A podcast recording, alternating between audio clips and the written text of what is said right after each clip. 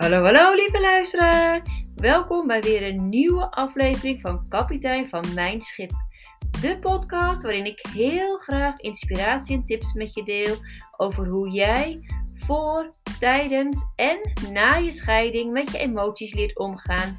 Hoe aan de relatie met je kinderen te werken en te begeleiden tijdens deze fase van jullie leven. En hoe jij weer stapt in jouw mooiste toekomst. Ik heb er weer super veel zin in. Let's go! Hallo, hallo, welkom terug bij een nieuwe aflevering van Kapitein van Mijn Schip. Vandaag wil ik het graag met je hebben over wat kun je doen als je kind per se iets wil op zijn boterham en jij denkt, ah, dat heb ik niet meer in mijn huis. En je kind gaat in protest en zegt, ik wil alleen maar bijvoorbeeld pindakaas op mijn brood. Wat kan je dan doen? Wat kan je helpen? Oké, ik ga er zo meteen verder op in, maar eerst wil ik je herinneren.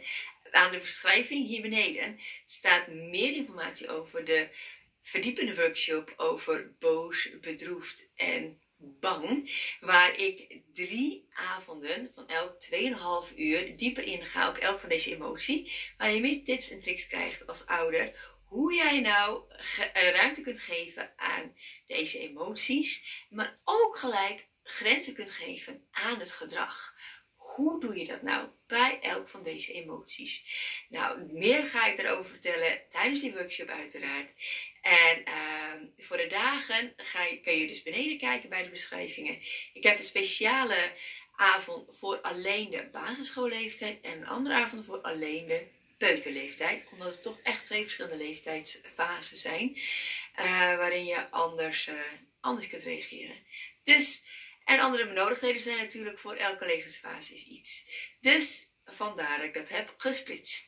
Maar voor nu ga ik weer verder met wat doe je nou echt als je kindje zegt: Ik wil pindakaas op mijn brood. En jij denkt echt, het is ochtends vroeg, de winkels zijn nog gesloten, kindjes net wakker. En denk, ah, pindakaas. Ai, ai, ai. Dat stond op mijn lijstje, dat ben ik vergeten mee te nemen. Dat is jammer. Het is op. Ik ben het vergeten te halen. Ja, dat kan gebeuren. Gebeurt het allemaal wel eens. Ik ben het ook vergeten.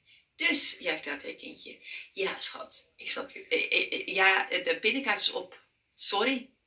Je kindje zegt dan natuurlijk. Ja, maar ik wil toch pindakaas op mijn brood. En jij zegt.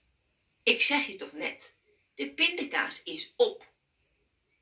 Want normaal gesproken over het algemeen gesproken is het makkelijker om als volwassene met logica te gaan reageren namelijk. Wat krijg je dan als verweer van het kindje? Uh, ja, maar ik wil gewoon die pindakaas. En dan jij zegt als ouder, ik heb je gezegd dat het op is en nu, weet je, je krijgt van mij wel gewoon een plak kaas op je brood of haagslag op je brood. Je komt met een oplossing voor het kind, hè? Logica, oplossingen, wij als volwassenen zijn daar heel goed in wat je dan gaat krijgen als kind, hoog, uh, uh, van je kind, hoogstwaarschijnlijk, dat het kind alleen nog maar meer gaat protesteren. Want hoe werkt het nou bij je kind? Hoe meer wij als volwassenen in de logica gaan zitten, hoe meer het kind zich gaat uh, afzetten, hoe meer het in protest gaat komen. Want het kind wil gezien worden.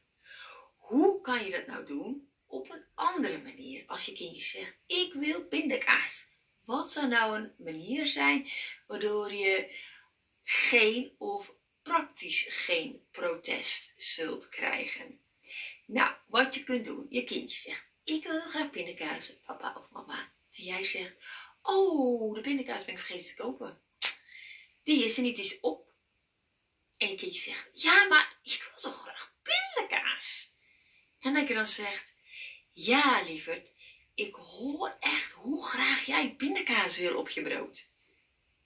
Dan denk je kind al, oh, ik hoor het, het, is gezien, het is oké dat ik dat wil. En dan uh, kan je zeggen, dat je kind bijvoorbeeld zegt, maar ik wil echt zo graag pindakaas op mijn brood, papa of mama.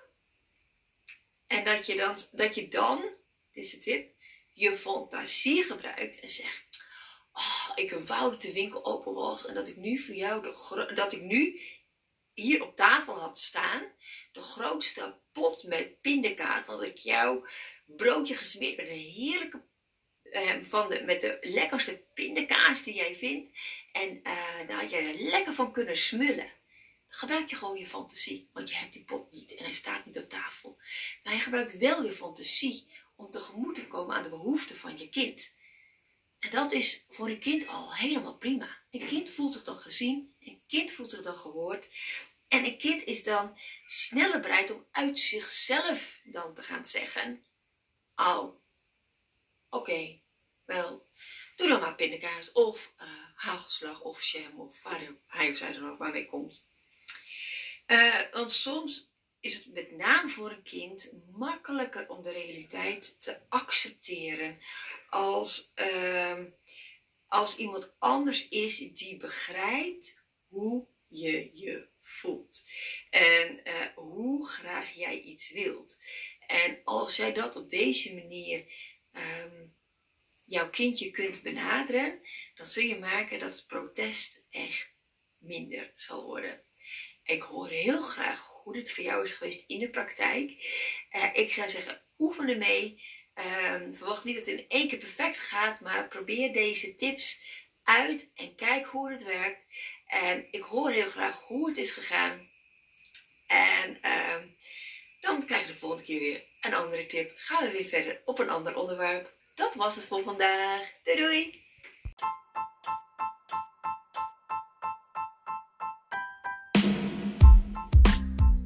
Dank je wel voor het luisteren. Ik hoop dat ik je heb kunnen inspireren en laat mij vooral weten wat het voor je heeft betekend. Mocht je de podcast waardevol en interessant hebben gevonden, deel hem dan alsjeblieft. En voor alle gratis content zou je dan alsjeblieft één dingetje willen doen en dat is mijn podcast een review geven op Spotify, dat ik beter bereikbaar ben voor anderen. Alvast super bedankt voor je hulp en tot de volgende keer.